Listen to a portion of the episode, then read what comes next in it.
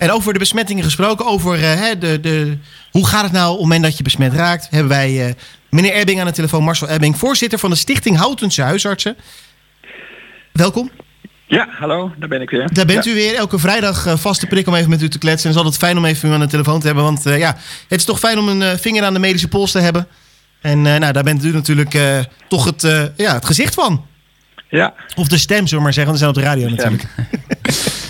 Meneer Ebbing, welkom. fijn dat we even met u kunnen bellen. de burgemeester benoemde het net al even in het interview hiervoor. Ehm, ondanks dat de lockdown steeds verder verlicht wordt, moeten we natuurlijk niet vergeten dat er nog steeds elke dag nieuwe besmettingen bijkomen.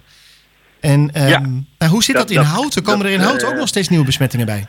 Ja, ook in Houten zie je nog steeds nieuwe besmettingen. Het aantal loopt wel terug, maar er zijn toch nog steeds weer mensen die uh, besmet worden. Uh, dus dat benadrukt ook het belang van het uh, anderhalve meter afstand houden. Ja. Zeker nu het helemaal vakantie is en we straks 5 mei gaan vieren, denk ik dat het heel belangrijk is dat we ook op die dagen gewoon afstand van elkaar houden en ons aan de maatregelen houden om, om verdere besmettingen toch te voorkomen. Nou ja, zeg dat wel, zeg dat wel. Want even voor mij, hoeveel nieuwe besmettingen komen er dan in Houten nog per dag bij? Zijn dat er tientallen? Zijn dat er... Uh, nou, nee, nee, nee, nee, het zijn er enkele, enkele. Ja. Dus het is niet, niet veel. Wij zien op die luchtwegpolie steeds minder uh, patiënten, vier tot acht per dag, waarvan toch een aantal besmet blijken te zijn. Uh, waarvan de meeste overigens dan niet naar het ziekenhuis hoeven, maar gewoon thuis uit kunnen zieken Ehm, in afwachting van eh, herstel. Kijk eens aan. Dat is toch fijn om te weten dat ze niet allemaal het ziekenhuis in hoeven, maar dat ze dus ook allemaal gewoon zelfstandig kunnen, kunnen revalideren. Um, ja. dat is toch wel, want, want u heeft het dan over 4 tot 8 eh, op de luchtwegpolie en dan enkele besmettingen. En dan hebben we het dus echt over 1 à 2 besmettingen per, uh, per dag per dag, ja. Ja, nou dat is toch wel fijn om uh, het op die manier te horen dat het, uh, ondanks dat het er nog steeds is, dat het wel steeds minder is. Het wordt wel steeds minder. Ja, precies. En want hoeveel, hoeveel liggen er nu, hoeveel houtenaren liggen er nu nog op de IC? Ik heb daar eigenlijk geen inzicht in hoeveel er op de IC liggen.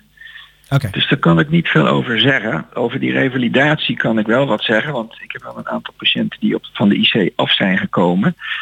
En die uh, revalidatie nodig hebben. En wij zijn in Houten in de gelukkige omstandigheid dat wij dus het Haltnahuis hebben. Ja.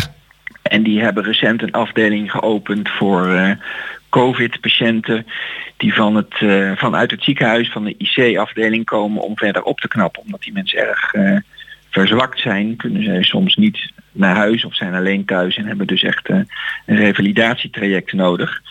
En dat kan bij ons in het Haltnahuis. En ehm, wat een goed, ja, er zijn wat, dat is een heel goed initiatief. En wij zijn er als huisartsen heel blij mee. Omdat we onze patiënten dan toch gewoon in hout te kunnen houden. De, de afdeling staat wel open voor ook patiënten uit de regio uiteraard.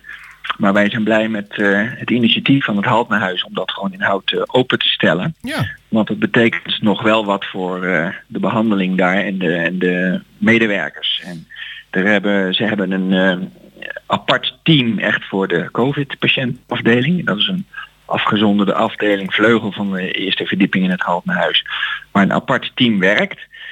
dus die werken daar met voldoende beschermingsmaterialen en die komen ook niet in de rest van het Haltnerhuis om natuurlijk uh, verdere besmetting te voorkomen. En dat dat goed werkt, dat blijkt ook uit het feit dat er in het uh, Haltnerhuis eigenlijk geen uh, COVID-besmettingen zijn op dit moment. Dus dat gaat eigenlijk prima. Dat gaat heel goed dan. En hoeveel mensen liggen er op die afdeling? Uh, daar liggen nu tien mensen. Uh, er hebben er twintig uh, gelegen.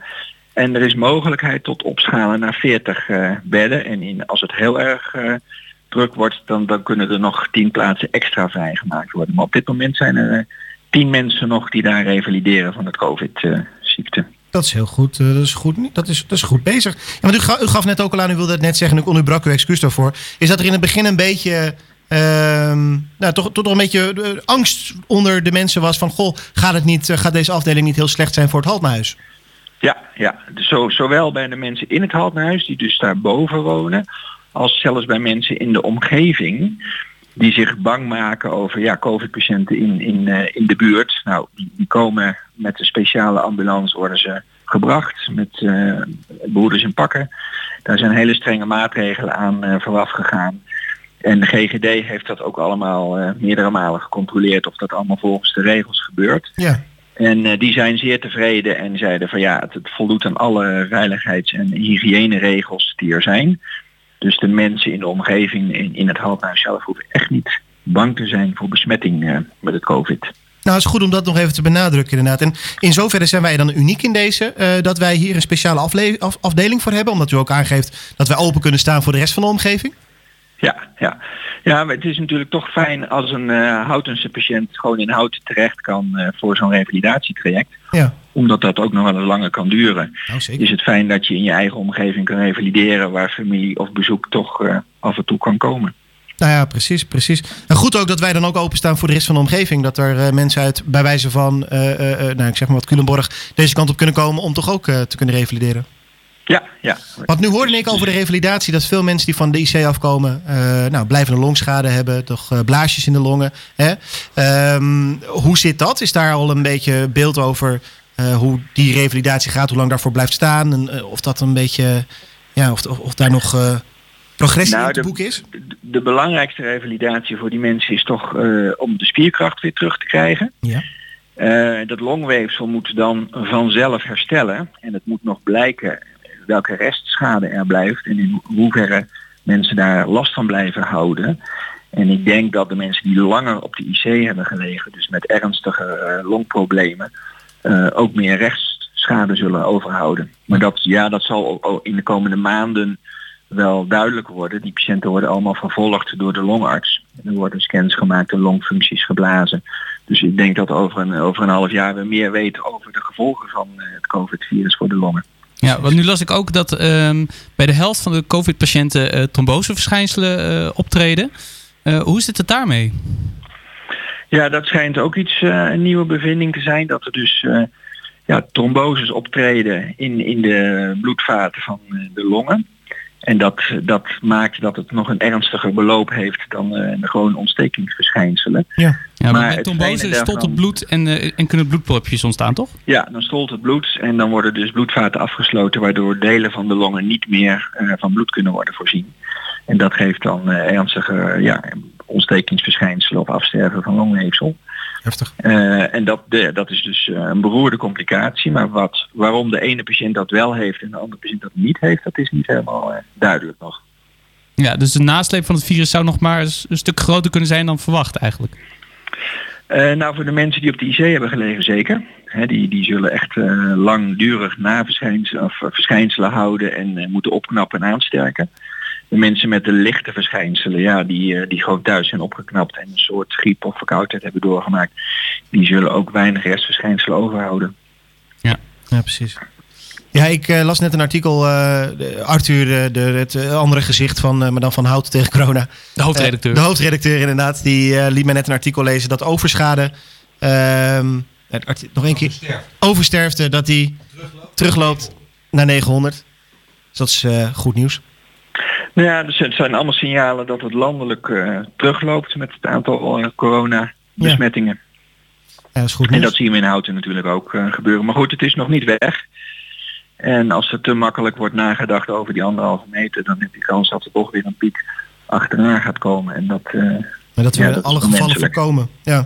Dat, dat, moeten we voorkomen, ja. Nee, precies. En ik denk dat dat ook wel een beetje, net zoals wat onze burgemeester Gilbert Isabella net als conclusie naar ons toe riep. Um, laten we ja, uh, nog steeds gefocust blijven op die anderhalve meter. Laten we, ondanks dat we steeds meer en steeds betere positieve signalen krijgen, dat het steeds minder wordt. Laten we niet de teugels versoepelen, maar laten we uh, nog steeds heel gefocust blijven op die anderhalve meter. Laten we gefocust blijven op gezondheid en laten we gefocust hebben, we gefocust blijven uh, op, nou, de, de, de, de, op corona, zeg maar. Ja, zeker. Blijf gezond. Ja. Houd de afstand en was je handen wat vaker dan anders. Dat zijn de belangrijkste tips. Nou, meneer Ebbing, mag ik u daar heel erg weer voor bedanken. Uh, zullen we volgende week vrijdag nog een keertje bellen, kijken hoe het dan uh, geweest is in Houten. En uh, hopelijk kunnen we dan een keer zeggen dat er geen nieuwe patiënten bij zijn gekomen. Ja, laten we daarvan uitgaan. Dat laten we daarop hopen. Ik, ja. ik, help, ik help u hopen. Ik ga ervoor duimen. Goed. Heel erg bedankt, meneer Ebbing. Ik wil blijf nogmaals gezond. ook bedanken voor het goede werk wat u doet. En inderdaad, blijf gezond. Tot de volgende week. Tot volgende week. Ja. Dag.